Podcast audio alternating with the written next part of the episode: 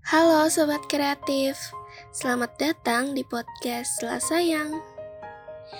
Gak bosen-bosen nih aku nanya, gimana kabar kalian?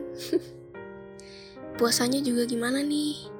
Masih lancar dong ya? Ayo dong semangat, beberapa hari lagi udah lebaran nih.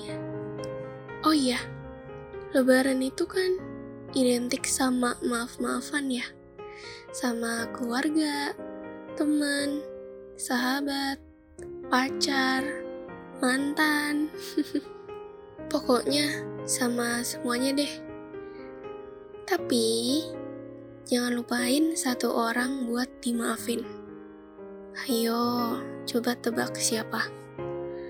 Yap, diri kamu sendiri. Kadang kita lupa kalau diri kita sendiri itu perlu dimaafin. Kita mungkin banyak ngelakuin kesalahan dalam hidup, banyak penyesalan yang kita rasain. Itu semua perlu kita ikhlasin. Kayak, it's okay to make a mistake. Everyone's do, and me too. So, please, jangan terlalu menyalahkan diri kita sendiri.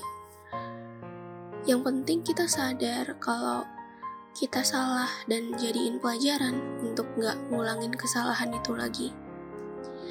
It's enough. Cukup sampai situ aja. Setelah itu, berusaha jadi diri kita yang lebih baik lagi. Menurut aku, hidup terlalu singkat untuk terus merasa menyesal sebesar apa pun kesalahan itu. Please, ayo kita berusaha dengan sekeras mungkin untuk memperbaiki keadaan. Kita harus percaya sama diri kita sendiri kalau kita bisa ngelewatin ini semua. Salah satu langkah awalnya ya kita harus nerima diri kita, maafin diri kita sendiri jadi ya gitu deh.